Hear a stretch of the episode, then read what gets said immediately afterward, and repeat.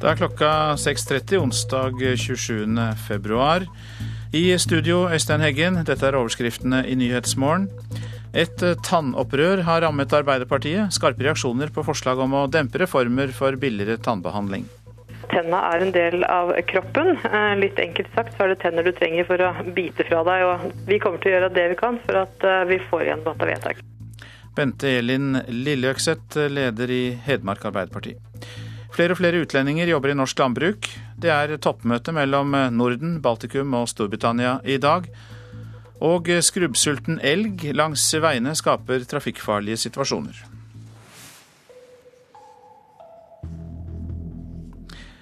Det er et tannopprør i Arbeiderpartiet. I 2009 vedtok partilandsmøtet at tennene er en del av kroppen, og ga løfte om et tak på betaling av egenandeler hos tannlegen. Slik det er med andre helsetjenester, altså. Men i sitt nye programforslag demper Arbeiderpartiet reformiveren. Det er dypt skuffende, sier leder i Veteranforum i Oslo Arbeiderparti, Idar Eliassen. Vi er veldig skuffa over når vi fikk vedtatt på siste landsmøte en klar formulering som nå overhodet ikke har blitt tatt til etterretning. I Politisk kvarter mandag erkjente helsetalsmann i Arbeiderpartiet Thomas Breen at de har bråte valglovnaden om tannhelsereform. Nei, Det landsmøtet vedtok, var at vi skulle ha en tannhelsereform for alle. Slik at tannhelsen ble på linje med øvrig helsevesen. Det har vi ikke klart, og det må vi være ærlige å si. I det nye programforslaget så har vi en mer forsiktig tilnærming, hvor vi ønsker en gradvis utvikling av offentlig tannhelsetjenesten. Dette skaper øsing, og til landsmøtet i Arbeiderpartiet i april har det kommet en serie framlegg om å gjennomføre den lova tannhelsereforma. Ni fylkeslag har enten laga egne framlegg eller velsigna framlegg fra lokallag. Leder i Aust-Agder Arbeiderparti, Inger Løite, har ei stutt analyse. Vår mening er at dette har ikke regjeringa fulgt opp på en tilfredsstillende måte. Hedmark Arbeiderparti har framlegg til landsmøtet der det heter at tannhelsetjenester skal ha samme eiendelsordninger som allmennhelsetjenester. Og det haster, sier fylkesleder Bente Lill Lilleøkseth. Dette blir veldig viktig. Hedmark Arbeiderparti vi er utålmodige. Tenna er en del av kroppen. Litt enkelt sagt så er det tenner du trenger for å bite fra deg og tygge maten du skal ta opp næring og leve på. Så vi kommer til å gjøre det vi kan for at vi får igjen dette vedtaket. Det blir kamp på landsmøtet, sier Inger Løite fra Aust-Agder.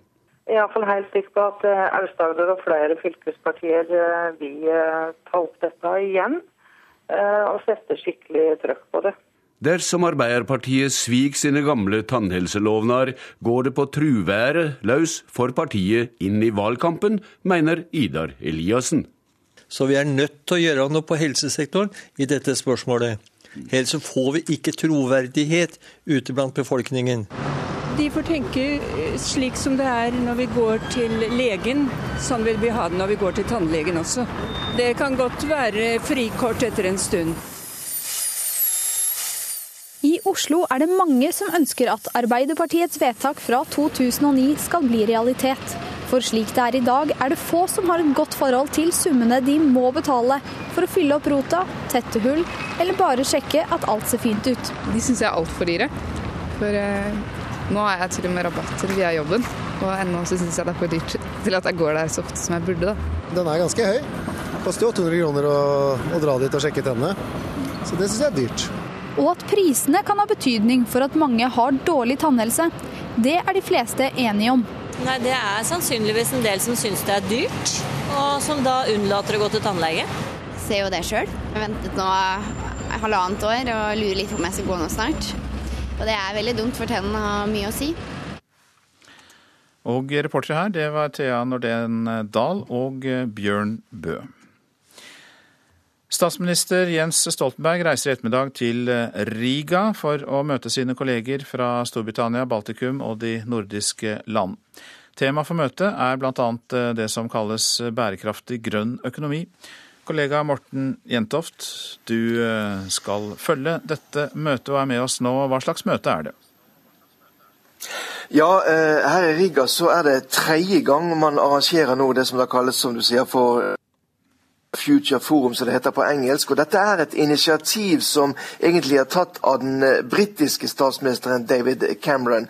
Eh, et tydelig eh, forsøk fra britisk side på å komme på offensiven i Nord-Europa. Man arrangerte det første Northern Future Forum i London i 2011. I fjor var man i Stockholm, og i år så er man altså i, i, i Riga.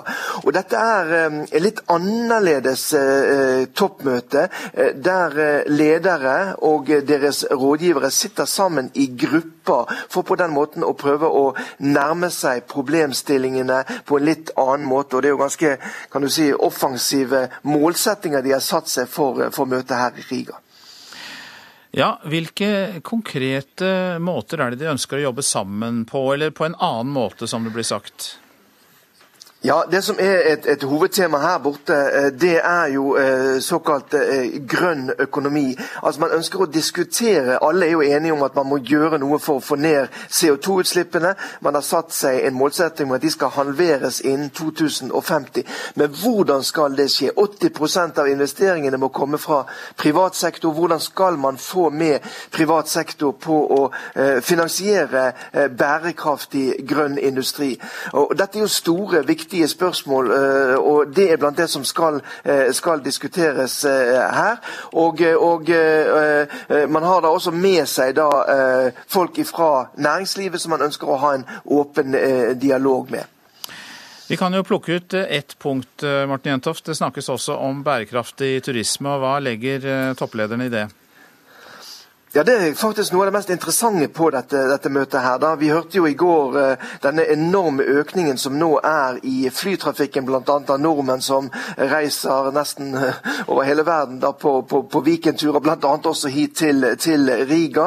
Uh, det man ønsker å diskutere, det er hvordan man kan få til en såkalt grønn turisme uten at det blir så store utslipp f.eks. Fra, fra flytrafikk. Man mener at nettopp Norden-Østersjøområdet ligger ligger veldig godt til rette for å kunne utvikle den type grønn turisme. Og Det kan bli veldig interessant å høre hva slags type turisme man her ønsker å satse på, for at turismen også skal være med på eh, å, å få til denne målsettingen om å halvere CO2-utslippene innen 2050. Takk skal du ha, Morten Jentoft, som altså rapporterte fra den latviske hovedstaden Riga, der det er eh, toppmøte mellom de nordiske land, Baltikum og eh, Storbritannia. De danske sosialdemokratene faller kraftig på en ny meningsmåling, og er for første gang mindre enn Dansk Folkeparti. Ifølge målingen som Yugav har utført for eh, Metro Express, så får statsminister Helle Thorning-Smiths parti bare 17,2% av stemmene, 7,6 prosentpoeng tilbake fra valget i september 2011.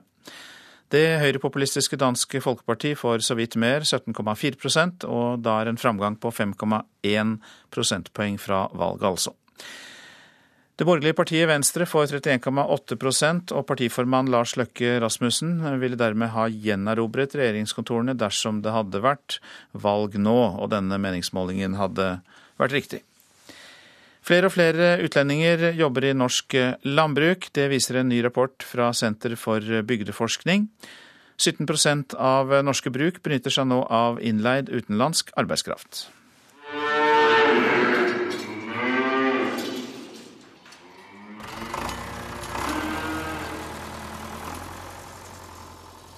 Det jobbes jevnt og trutt både ute og inne på norske gårder. Men i motsetning til før i tida, da familien og samfunnet i større grad var sentrert rundt gårdsdrifta, tar stadig flere bønder i bruk utenlandsk arbeidskraft for å få drifta til å gå rundt. Frank Egil Holm i Bygdeforskninga påpeker i en ny rapport en jevn stigning i andelen utenlandske arbeidere i norsk landbruk. Tidligere har jo norske landbruket hatt muligheten til å bruke deltidsarbeidende husmødre og arbeidsvillige ungdommer til å løse sånne arbeidskrafttopper gjennom sesongen. Den muligheten har, i, har gjort det mindre, i og med at kvinner har kommet fullt og helt ut i yrkeslivet. og Norske ungdommer virker vel å i større grad ønske annen type arbeid hvis de skal ha heltidsarbeid.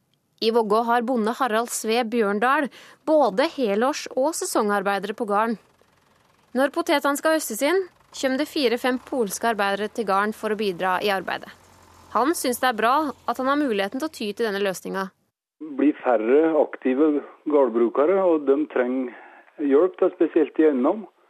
Og da er det vanskelig å, å, få lokale. Du har en del ungdommer som er interesserte, men eh, det er vel ikke nok. Og da, da er det fint å ty til utenlandske som da er interesserte til å arbeide f.eks. en sommer. da. Strengere regler tilknytta lønn sikrer i større grad enn tidligere at arbeiderne ikke bare blir billig arbeidskraft. Bygdeforskninga gjennomfører annethvert år spørreundersøkelser blant norske bønder. De fleste av dem som blir spurt, er positive til å hente inn utenlandsk arbeidskraft ved behov. Det er egentlig ikke lønnskostnaden som gjør at en må gå til utlandet for å få tak i folk. For at vi har et eh, avtalesystem og i landbruket med minstelønner og slik. Så det er ikke kostnaden som gjør at en går utenlands etter folk norske bønders holdning til arbeidsinnvandrere vil jeg si er veldig god. Norske bønder mener at arbeidsinnvandrere er fullgod arbeidskraft. Tallene viser vel òg at bønder i kanskje enda større grad ønsker å benytte seg av arbeidsinnvandrere i årene fremover. Reporter her, det var Silje Josten Lien. Så til det avisene skriver. Forsvarsbygg fester for millioner på statens regning, er oppslaget i Aftenposten. Grand Hotell i Oslo ble i januar leid til fest med underholdning, mat og drikke. Forsvarsbygg har brukt over fire millioner kroner på interne fester siden 2009. Jeg er forbannet, sier Bjørn Dæhlie til eh, VG. Gullmedaljene er vunnet på ærlig vis, sier langrennsløperen som føler seg uthengt i omstridt svensk TV-dokumentar. Therese Johaugs suksess er oppslaget i Dagbladet. Hun kan vinne skirenn i minst ti år til, skriver avisa. Trosset ordre om å undersøke soldatenes syke, skriver Bergens Tidende. Granskningsutvalg som skulle undersøke psyken til veteraner fra Libanon, Irak, Balkan, Somalia og Afghanistan, valgte bare å undersøke Afghanistan-veteranene. Veteranalliansen mistenker økonomiske motiver bak. Sverige velger norsk modell, er oppslaget i Klassekampen. Måling viser at et flertall av svenskene foretrekker offentlig omsorg etter eh, norsk modell framfor konkurranseutsatt helse- og omsorgstjeneste, som er blitt mer eh, vanlig i Sverige. I Malvik kommune får hver fjerde boligkjøper startlån, skriver Adresseavisen. Årsaken er at alle som ikke får lån i banken, defineres som vanskeligstilte av kommunen, uavhengig av hvilken inntekt de har. Ansetter kvinner i nattkiosker for å roe ned menn, skriver Bergensavisen. Bråkmakerne roes ned og bruker heller energi på å sjarmere jentene. Det sier Kjell Flagtvedt, som driver en Narvesen-kiosk i Bergen. Ole Jørgen Anfinsen mener at hans innvandringskritikk kostet ham jobben i det norske Veritas, skriver Vårt Land. Den omstridte bloggeren vitnet i 22. juli-rettssaken og mener at han ble en varm potet for arbeidsgiveren. Katastrofeår for meglerhuset Christiania Securities. Inntjeningen stuper, og gründerens sønn var blant de ansatte som måtte gå, skriver Dagens Næringsliv. Facebook-tommelen vises på forsiden av Dagsavisen. I dag er vår sosiale status målbar gjennom antall likes på Facebook. Psykologer er bekymret over at eh, unge har døgnåpen jakt på digital ros og bekreftelse. Bygda Gjøvik ved Ulsfjorden i Tromsø er isolert på ubestemt tid fordi snøras sperrer den eneste veien, skriver Nordlys. I går fikk bygda forsyninger fra redningsskøyta.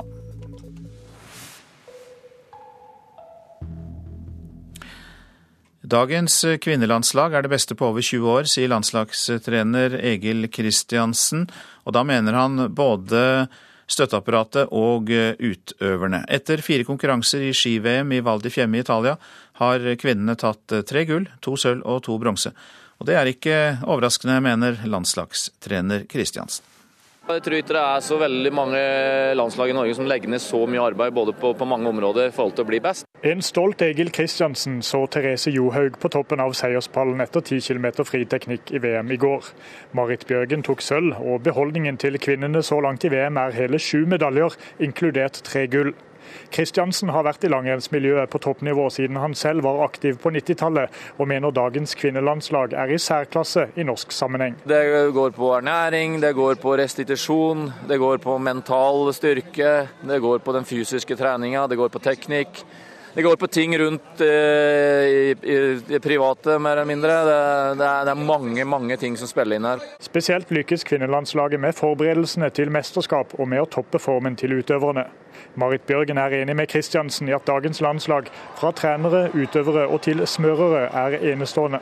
Vi vet eh, hva som må til for å, å gjøre når vi ja, Vi har jo de verdens beste på laget og vet hva som må trenes og gjøres for å nå toppen nå, så vi jobber knallhardt hele veien. Landslagstrener for herrene Trond Nystad er full av lover om kvinnelandslaget, men hevder herrelaget er på omtrent samme nivå.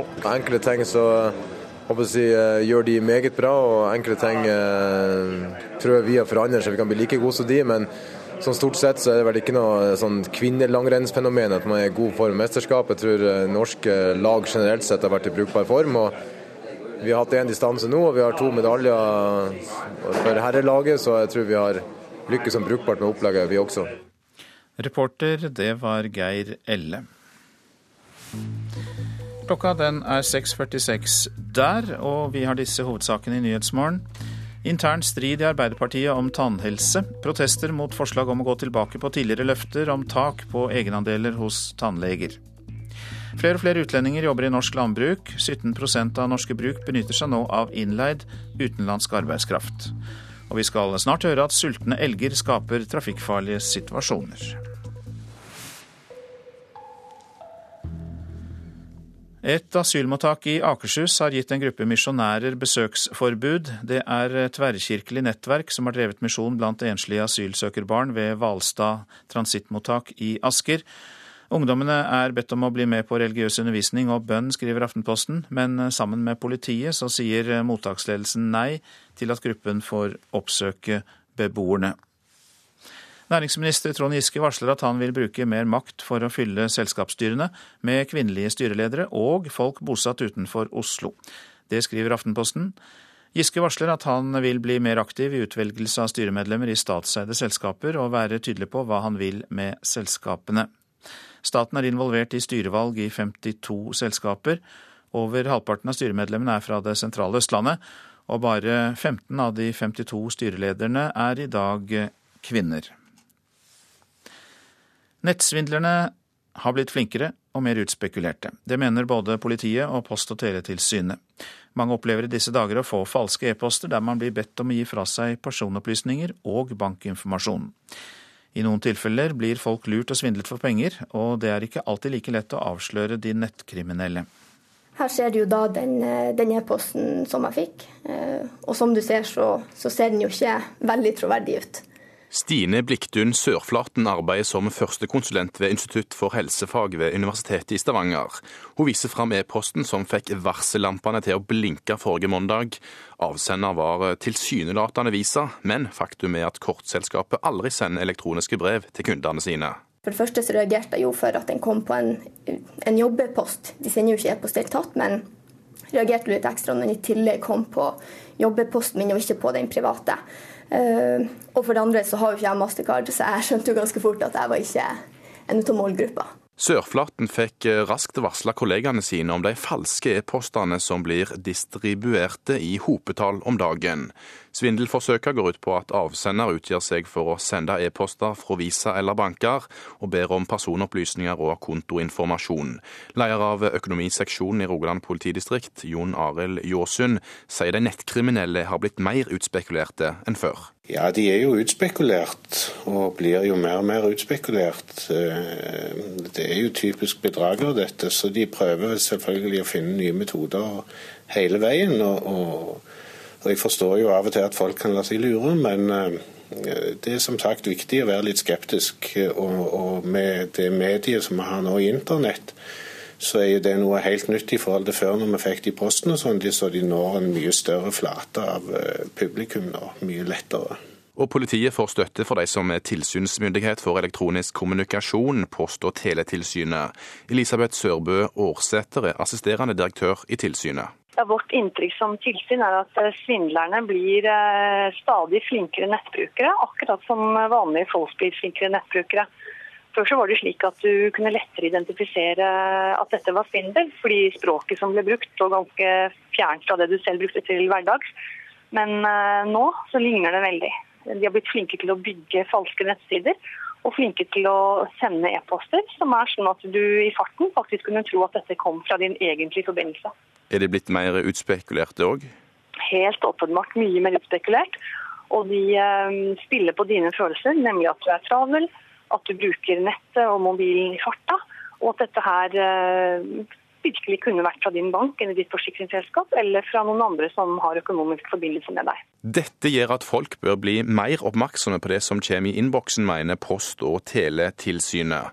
Det mener òg politiet, som sier det er svært vanskelig å oppklare saker der utspekulerte nettsvindlere lykkes. Det er jo sånn at disse som eh, sender disse mailene, de, de, sitter gjerne i utlandet, og de sitter gjerne da i eh, land som eh, vi ikke har samarbeidsavtaler med, eller som eh, har vanskelig for å gjøre noe med disse sakene. I tillegg er det ikke engang sikkert at de nettkriminelle oppholder seg i samme land som de sender e-postene fra, sier Jåsund. Det er ofte mellomledd, så det er vanskelig å nå fram til det. Og det er også en komplisert affære å få iverksatt etterforskning i utlandet. Ting må oversettes og så sendes til rett land. Så, så det, det, er vanskelig å komme dette til livs. Og er du en av de som nylig har fått en mistenkelig e-post fra Visa eller en bank, er rådet fra Stine Bliktun Sørflaten klart. Førstekonsulenten fra Universitetet i Stavanger har sjøl mottatt falske e-poster to ganger, og har ikke tenkt å gå i nettfella. Mitt råd er jo bare å slette dem med en gang. Eh, og, og gjerne det å, å hvis det er på, i en organisasjon sånn som her, på en arbeidsplass, å ta kontakt eh, med IT-avdeling, gjerne sånn at de får lagt ut en beskjed. Gi beskjed til de nærmeste kollegaene dine. For det kan skje veldig fort at du bare trykker inn på en link. Det går veldig fort i dag. Og eh, reporter her, det var Magnus Stokka. Norske regissører har sovet i timen, i hvert fall når det gjelder filmmusikk. Det mener filmjournalist Tor Joakim Haga, fordi Norske filmskapere i en årrekke har brukt pop- og rockartister til å komponere filmmusikk, og ikke sett etter utdannede spesialister innen denne sjangeren. Haga tror at det kan gå utover kvaliteten på filmene. Det er liksom to måter å tenke filmmusikk på. Det ene er det som underbygger bildene, og det andre er det som underbygger historie og emosjoner. Men eh, begge deler må til. Vi sitter i et studio i Kristiansand og hører på filmmusikken til en av de store norske filmproduksjonene i år, nemlig filmatiseringen av Hamsuns Victoria. Erik Honoré ble sammen med bl.a. Jan Bang hyra inn som filmkomponister av regissør Torunn Lian. Så jeg må bare si jeg er veldig stolt av den filmmusikken. Vi har brukt såpass lang tid på det, eh, sånn at ting har fått lov til å sette seg. Når du leser dette brevet, er jeg død. Mens det i Victoria var et tett samarbeid mellom regissør, musikere og komponister, er ikke alltid dette tilfellet, skal en tro Tor Joakim Haga, filmjournalist i montasj.no, som har spesialisert seg på filmmusikk. Han mener altfor få regissører i Norge bruker spesialister eller utdanna filmkomponister når de skal lage filmer. Det finnes eh, dessverre ikke altfor mange filmmusikkspesialister i Norge. Men vi har også hatt en tendens til å hente inn artister artister fra pop- og rockmusikk eh, fremfor å dyrke frem spesialister. Altså den Regissør har tenkt at eh, jeg er en veldig stor fan av den og den artisten, la oss se om vedkommende er ledig og kan skrive musikk til min film. Det har på en måte vært gjennomgangsmelodien i, i Norge de siste 50 årene, faktisk. Dette mener Haga kan gå utover kvaliteten på norsk film, ved at man mister kompetansen til å skreddersy musikk til lerretet. Men han øyner et lite håp etter Høgskolen i Lillehammer, som første institusjon i Norge, starta studiet i filmmusikkomposisjon i fjor. Heldigvis utdanner vi nå flere filmkomponister. Det har kommet en egen linje i Lillehammer. Men eh, jeg skulle jo faktisk gjerne ønske også at en del eh, gryende regissører kunne gå på filmmusikkurs, hvor de lærer litt om hvor mye filmmusikk faktisk betyr, og hva det krever å være filmkomponist. Jeg, jeg kjenner meg ikke helt igjen i det at man bare tyr til eh, poplåter man har i skuffen. Altså, det tenker jeg at det er litt sånn enkelt. Det sier regissøren bak den prisbelønna filmen 'For meg på, for faen' og styremedlem i Norge norske filmregissører Jannike Systad Jacobsen. Det er jo litt sånn som det er, eh, tror jeg, i mange andre fagfunksjoner i film. At det er ikke så innmari mange som har spisskompetanse på å lage filmmusikk. Så hvordan de har fått seg den kompetansen, tenker jeg at egentlig ikke er så farlig. Så lenge de lager musikk som passer filmen, da. Farvel, Johannes. din for alltid. Reporter Meiri McDonald. Skrubbsultne elger fører til påkjørsler og trafikkfarlige situasjoner. I Nordmarka mellom Ringerike og Oslo er det ikke nok mat i skogen til den store elgbestanden. Det viser den siste beiteundersøkelsen. Mange bilførere har hatt hjertet i halsen i det siste, og enkelte har hatt elg på panseret også. Det er svært mange elgpåkjørsler for tiden, og nå mener enkelte skogeiere at grunnen er store flokker med skrubbsulten elg som står langs veiene. Elgen klarer ikke lenger å finne mat i skogen der den vanligvis er. Årsaken er at skogen mange steder er svært nedbeitet. Ja, Grunnen er det at det er for lite mat i skauen, sånn at den går alle andre steder for å se etter mat. Det sier Knut Bjella, som er skogeier på Ringerike. Hver dag ser han store flokker med elg nær veier og bebyggelse i hjembygda si. Vi har litt skau midt i bygda her, så der har vi drevet tynna litt nå. Og der øh, stiller elgen opp med det samme. Det er ikke naturlig at det er elg der vanligvis, for det er såpass lite område. Men nå står de i kø der for å få bær som ligger på bakken. Viken Skog, som organiserer de fleste skogeierne sør på Østlandet, legger i disse dager frem en beiterapport for hele Nordmarka, mellom Oslo, Hadeland og Ringerike. Denne rapporten bekrefter det skogeieren opplever. Det er for lite mat og for mye elg, sier Nils Bjørn Vistad i Viken skog. Det er kort og godt for mange elg i eh, Nordmarka. Vi antar at eh, der har vi en 1300 eh, 1500 elg. Og vi skyter 300, og det, det er for lite. Vistad mener det er store variasjoner, men at det er for lite mat til elgen mange steder i landet. Sommeren er ikke noe problem, for da kan elgen spise lyng, men når snøen legger seg, må den ty til trær som rogn, osp og furu. Elgstammen har vært for stor i mange år, og nå er matfatet temmelig tomt. Den sultne elgen må ned i bygda for å overleve. Han trekker helt ifra Nordmarka og ned, eh, ned til Steinsletta-området. Det er rett og slett eh, sultefòring av elgen. Det er på grensa til dyreplageri å ha så stor stamme. Ja, det mente skogeier Knut Bjella. Og du hørte også Nils Bjørn Vistad i Viken skog i dette innslaget, som var laget av Raymond Dalen.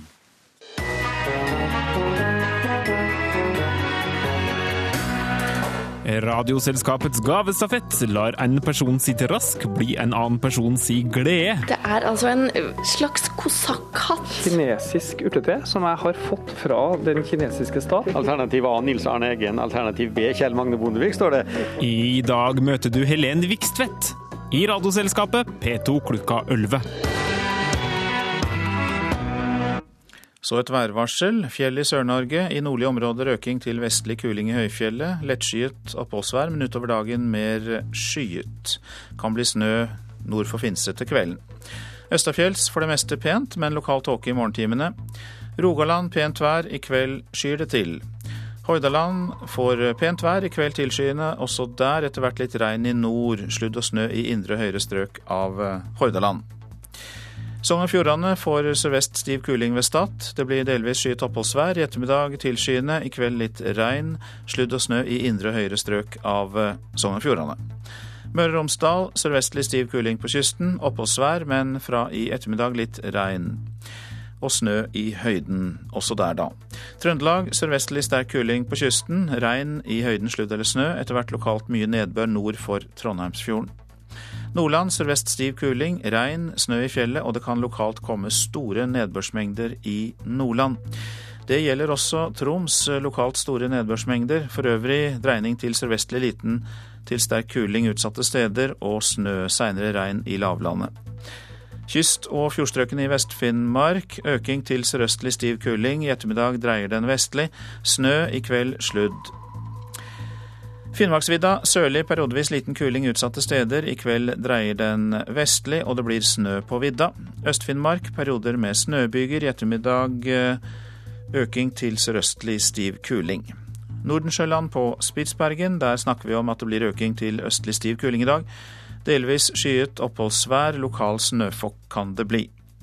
Temperaturer som da ble målt klokka fire i natt. Svalbard lufthavn minus 17, Kirkenes minus 10. Vardø og Alta minus fire. Tromsø-Langnes minus to. Bodø og Brønnøysund pluss seks. Trondheim-Værnes pluss fem. Molde pluss fire. Bergen-Flesland minus tre. Stavanger minus to. Kristiansand-Kjevik minus seks. Gardermoen minus åtte. Lillehammer minus fem. Røros minus ni og Oslo-Blindern hadde minus fem grader klokka fire.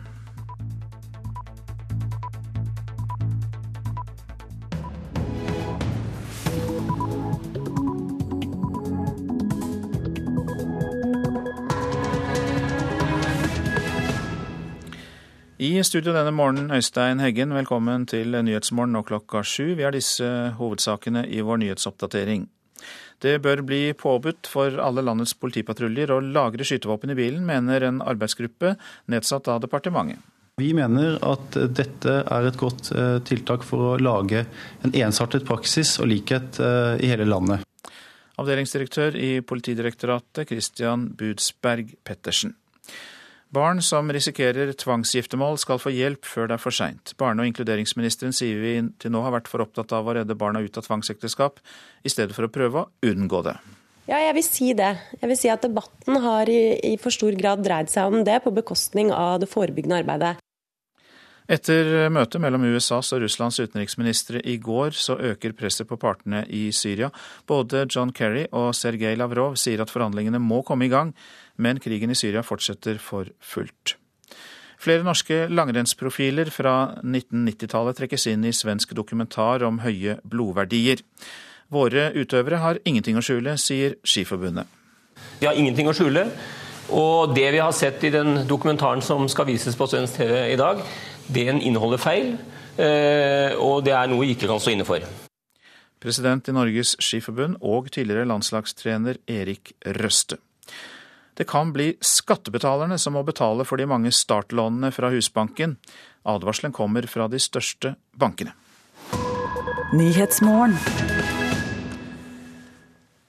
Vi starter med skytevåpen, for det bør bli påbudt for alle landets politipatruljer å lagre skytevåpen i bilene. Det mener en arbeidsgruppe nedsatt av Justis- og beredskapsdepartementet. Et slikt påbud vil styrke politiets evne til å skape trygghet for befolkningen i hele landet. Ja, det sier avdelingsdirektør i Politidirektoratet, Christian Budsberg Pettersen.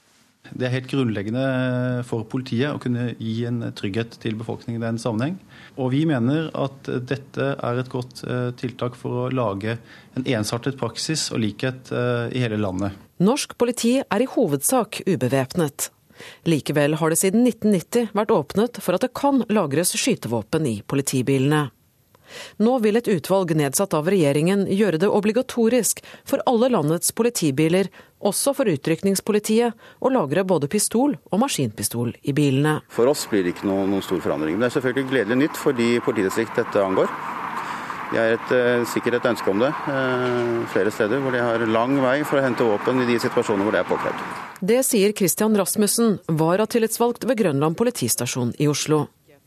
En undersøkelse utført av Politiets Fellesforbund i 2011 viste at én av fem tjenestepersoner føler utrygghet ved bruk av våpen. Derfor er det viktig at opplæringen er så god som mulig, mener Rasmussen. Jeg tror nok alltid vi kan bli bedre eh, med våpenopplæring og, og, og og skyttertrening. Og ikke minst også situasjonsbedømning og situasjonshåndtering. Likevel er det liten grunn til å frykte at et påbud vil føre til at politiet væpner seg oftere enn det de ellers ville gjort, sier Christian Budsberg Pettersen.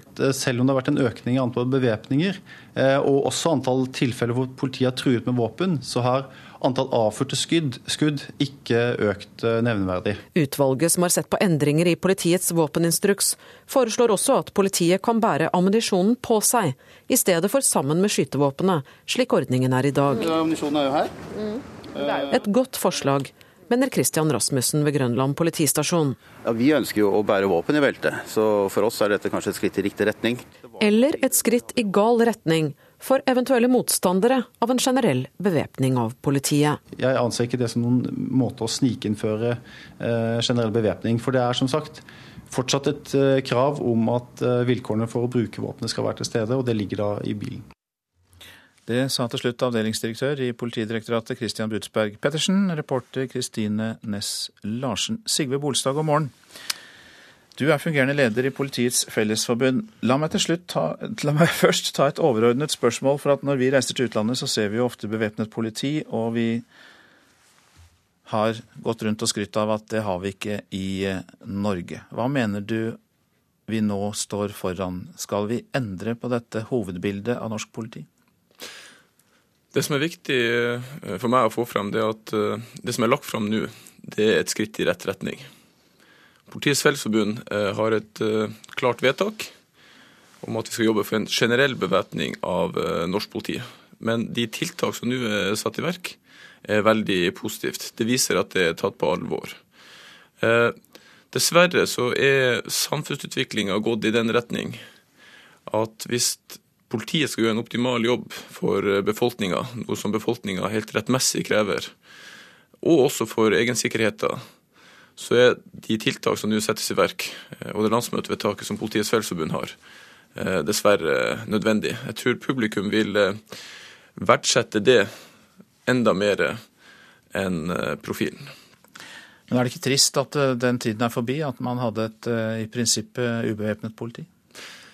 Jo, så jeg ønsker, og Politiets Fellesforbund ønsker ikke en bevæpning bare for å bevæpne seg, for at vi syns det er kult å gå rundt med våpen. Men dette handler om den viktige samfunnsoppgaven som norsk politi har, nemlig å beskytte innbyggerne Eh, og også beskytte en sjøl. Eh, og da viser dessverre utviklinga det at da er dette den eh, rette retninga å gå i. Så kan man godt feste på, dessverre. Og Det vi da snakker om er dette forslaget om å få våpen i tjenestebilen, og at det blir et mer tilgjengelig våpen, som du har nevnt, og at det er viktig for sikkerheten. Men så dette med treningen, som vi hørte litt om her. Mange politifolk føler at de har en viss utrygghet vis-à-vis -vis det å bruke våpen. Ja, altså Det blir jo litt sånn eh, høne og egget. altså Hva kommer først? Eh, på en annen side så sier vi at vi er et av, altså norsk politi er et av verdens beste politi. Høy grad av tillit og troverdighet, eh, med rette. Og Da må man ha den tiltroa til at ting faller på plass. Det er alltid mer å hente. Både i forhold til kompetanseheving, i forhold til trening og opplæring. Så må man se på fasiliteter for å kunne trene. Men dette bekymrer meg eh, lite. Vi eh, hadde jo et eh, tilfelle under terrorberedskap utenfor Stortinget at et automatvåpen lå i en ulåst politibil. Hva tror du om risikoen for at slike ting kan oppstå hyppigere nå? Jeg tror at risikoen for det motsatte, nemlig det at man har behov for et våpen, er mye større enn eksempelet som du nå nettopp brukte. Nå har jeg sjekka opp den, og det var helt udramatisk. På hvilken måte var det udramatisk? Ja, De hadde kontroll, de eh, personene som eh, var der. Men denne saken, akkurat for å ta den konkrete, skal vel eh, fortsatt granskes videre av politiet? Så vidt jeg har skjønt. Det er noe jeg er usikker på. Skal ikke være bombastisk på. Vi sier takk til deg i denne omgang, fungerende leder i Politiets Fellesforbund, Sigve Bolstad. Takk skal du ha. Barne- og inkluderingsminister Inga Marte Torkelsen mener det har vært gjort for lite forebyggende arbeid for barn som tvangsgiftes. Det kommer fram i en ny handlingsplan som legges fram i dag. Regjeringen vil hjelpe barn som står i fare for å bli tvangsgiftet, før det er for seint. Dette her starter mye før. Det starter med alvorlige begrensninger i den unges frihet. Ja, hei, Røde Kors-telefonen. Det er Tone. Hit til telefonen i loftslokalene i femte etasje hos Røde Kors kommer noen av de vonde historiene. Ja, det kan jeg hjelpe deg med? Bare i fjor kom 282 av dem.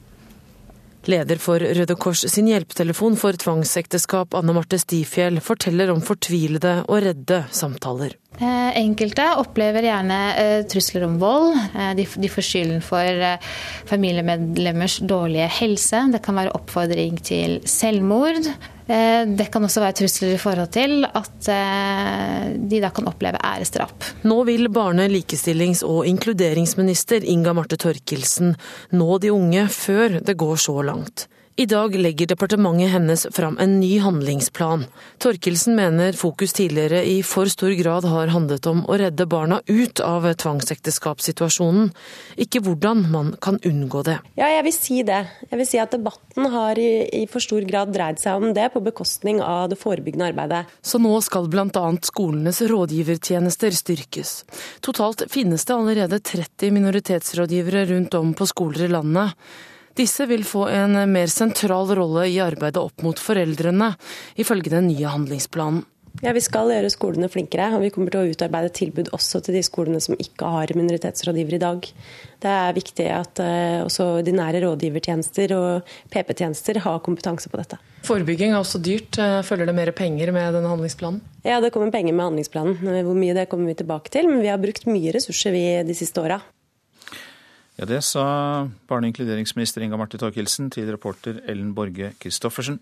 Og Gerd eh, Fleischer, du er organisasjonsleder i Selvhjelp for innvandrere og flyktninger, som eh, da helt siden 1996 har bistått ungdom utsatt for tvangsekteskap. Og hva syns du om forslaget som nå kommer? Her er det veldig viktig å ha flere tanker i hodet samtidig. Eh, jeg hørte at statsråden sa at vi hadde fokusert for mye på å hjelpe de unge i krisesituasjoner ut av en tvangssituasjon. Nå skal det være forebygging. Jeg vil si det at det ene må ikke gå på bekostning av det andre. Eh, jeg vil si at dersom vi ikke til nå har hatt æresdrap i Norge, så kan det kanskje skyldes at organisasjoner som Safe har bistått unge til å flykte for livet. Hvordan arbeider dere? Vi arbeider veldig bredt på alle områder. De unge kommer til oss med vidt forskjellige problemstillinger. Alt fra Lånekassen og skoleplass til, til krise-krisesituasjoner hvor de må bryte ut for å ta vare på eget liv. Og alle de, i alle nyanser. De som vurderer de, hva de skal gjøre hvis det skjer. Og ja, i alle, i alle faser. Vi må uh, ha flere tanker i hodet samtidig og ha flere, uh, flere løsninger individuelle løsninger, for ikke en eneste ungdom er lik. ikke sant?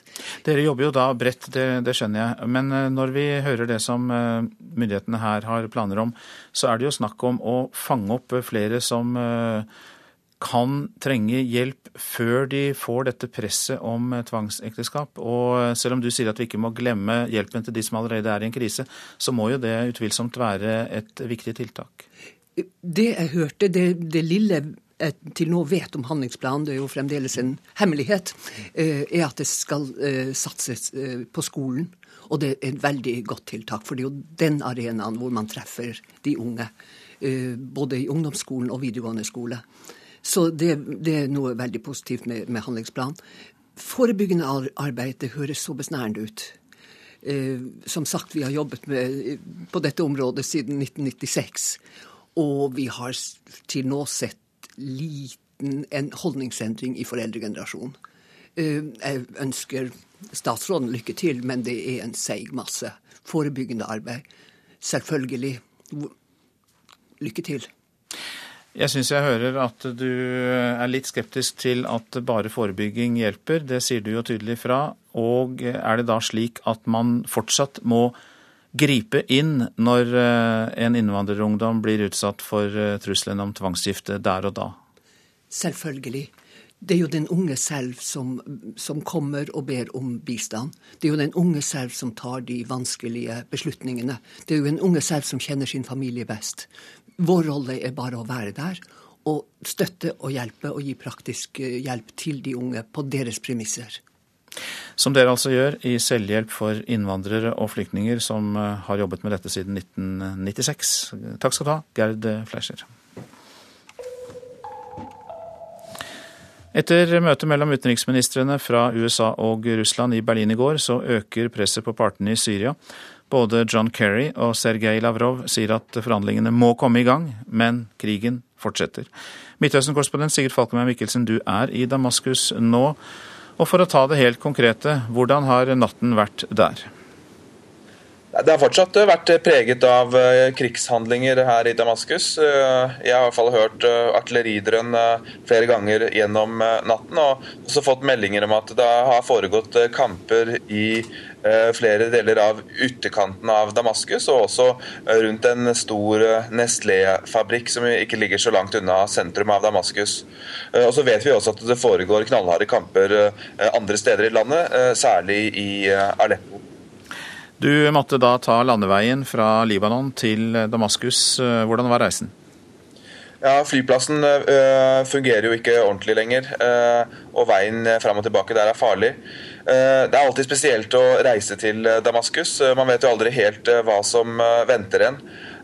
Så det var ganske mange kontrollposter eh, på eh, veien. Eh, og når vi kom inn i byen, så så vi flere røyksøyler og eksplosjoner i utkanten av Damaskus. Og også i ankomsten så var det et kraftig smell her. Slik at krigshandlingene nærmer seg gradvis sentrum av byen også. Har du fått noe inntrykk av hvordan det virker inn på folk? Ja, altså, eh, Damaskus var overraskende eh, livlig eh, samtidig med disse krigshandlingene. Inntrykket mitt er at folk er meget urolig, mer urolig nå enn de har vært på lenge. De er slitne og de er redde for hva som skal komme, men at de også på en eller annen måte har lært seg å leve med truslene og prøver å holde dagligliv i gang. Eh, men det er ekstremt vanskelig, eh, også fordi eh, den situasjonen når det gjelder brød og når det gjelder bensin, begynner å bli vanskelig også for folk i hovedstaden. Andre steder i landet er det jo mye mye vanskeligere. og Det er derfor vi ser de store flyktningstrømmene. Og det er også mange flyktninger som kommer hit til Damaskus, for her er det noe tryggere enn i resten av landet. Takk skal du ha, Midtøsten-korrespondent eh, Sigurd Falkenberg Mikkelsen. Og vi legger altså til at eh, USAs og Russlands utenriksminister hadde møte i går og eh, ønsker å presse partene til å komme i gang med forhandlinger, men det har inntil nå ikke skjedd.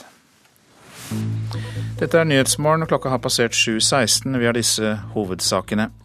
Det bør bli påbudt for alle landets politipatruljer å lagre skytevåpen i bilen. Det mener en arbeidsgruppe nedsatt av Justis- og beredskapsdepartementet. Barn som risikerer tvangsgiftermål skal få hjelp før det er for seint. Barne- og inkluderingsministeren legger fram ny handlingsplan i dag, som legger fokus på forebygging. Mammutsalget på bøker er ikke lenger den store inntektskilden for bokhandlerne. Mer om det seinere i sendinga.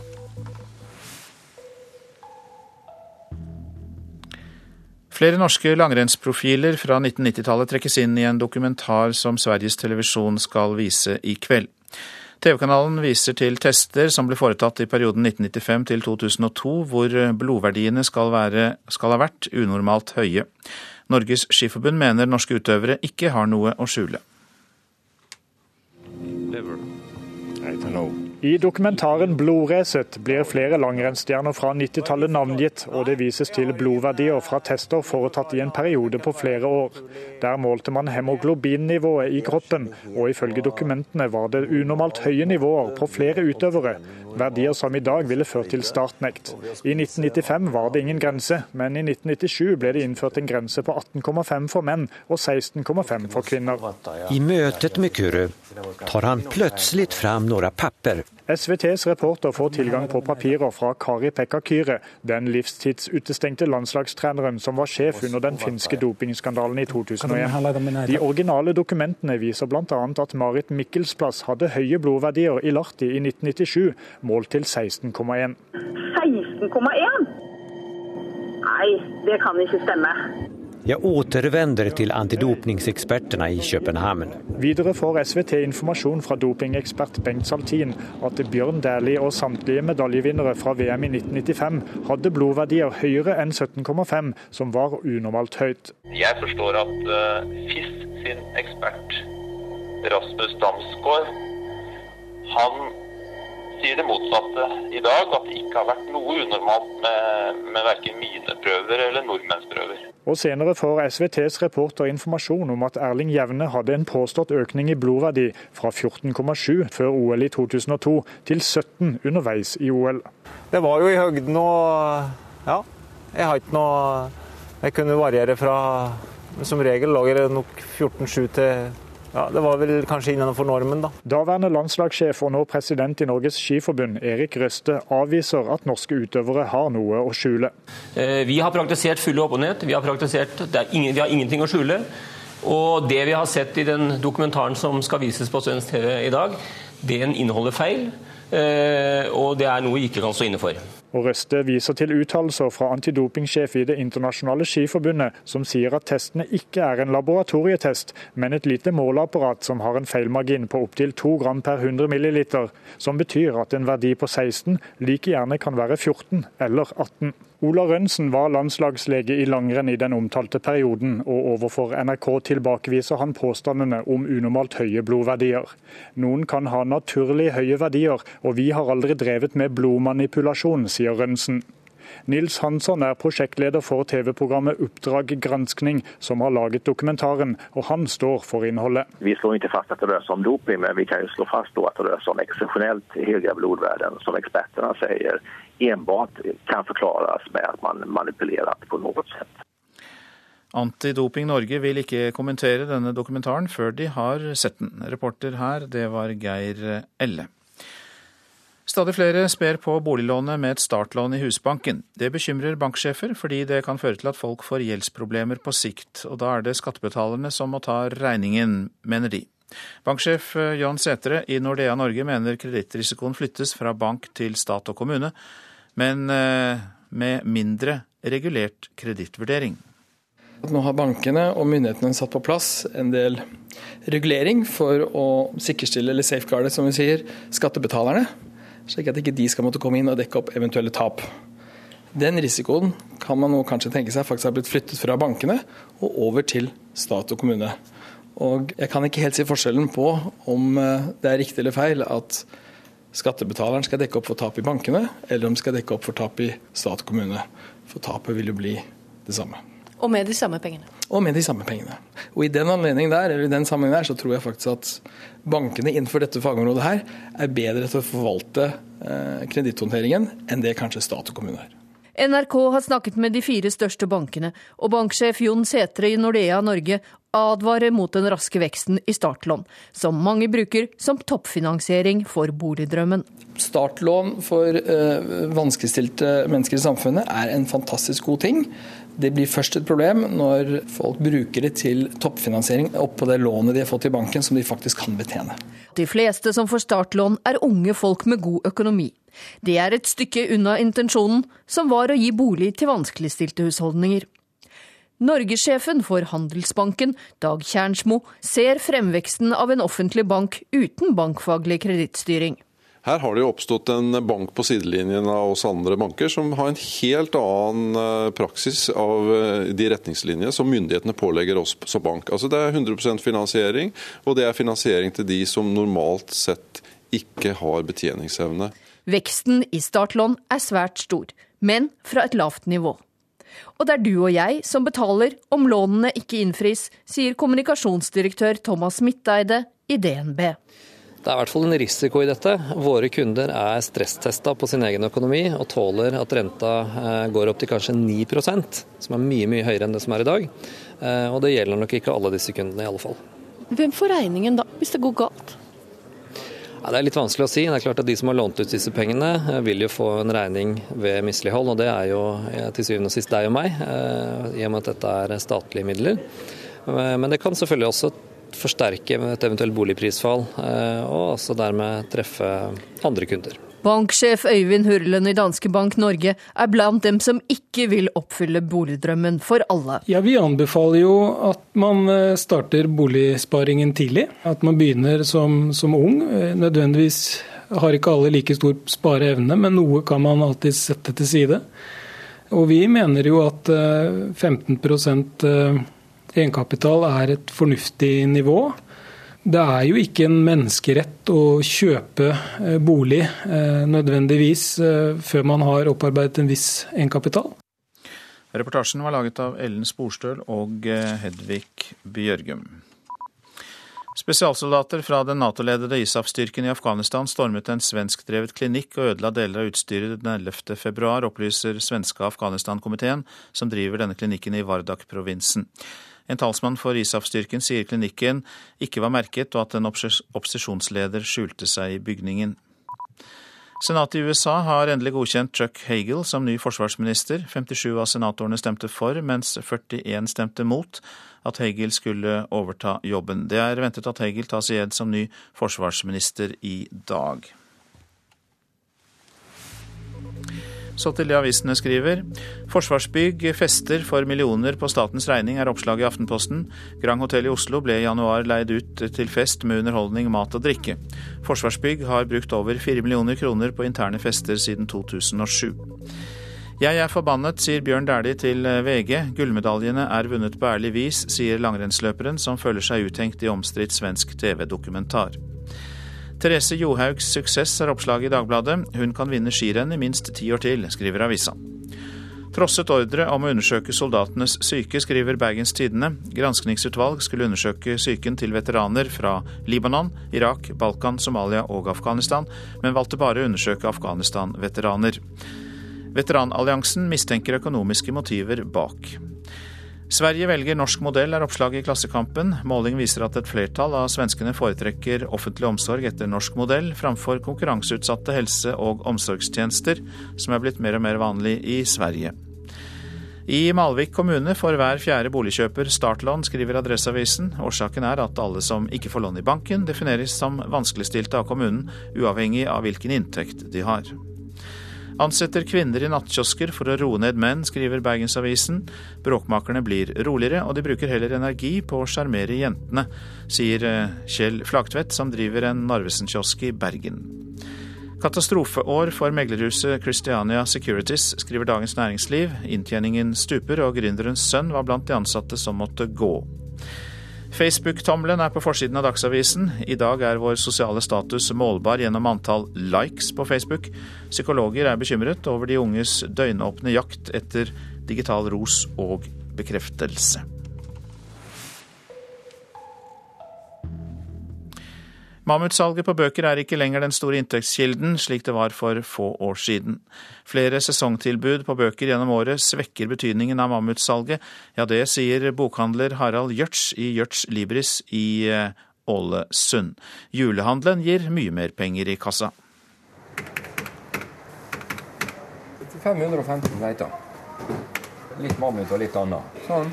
Det har aldri vært eh, i nærheten av julesalget. Julesalget betyr mye mye mer enn en, en, en mammutsalget. De aller fleste nye bøker kommer jo i løpet av oktober-november. Og eh, julehandelen er den viktigste sesongen i året for eh, all bokhandel. Så mammutsalet er ikke det det var for noen år siden? Nei, det er det nok ikke. Vi har sesongsalg veldig mange ganger i året.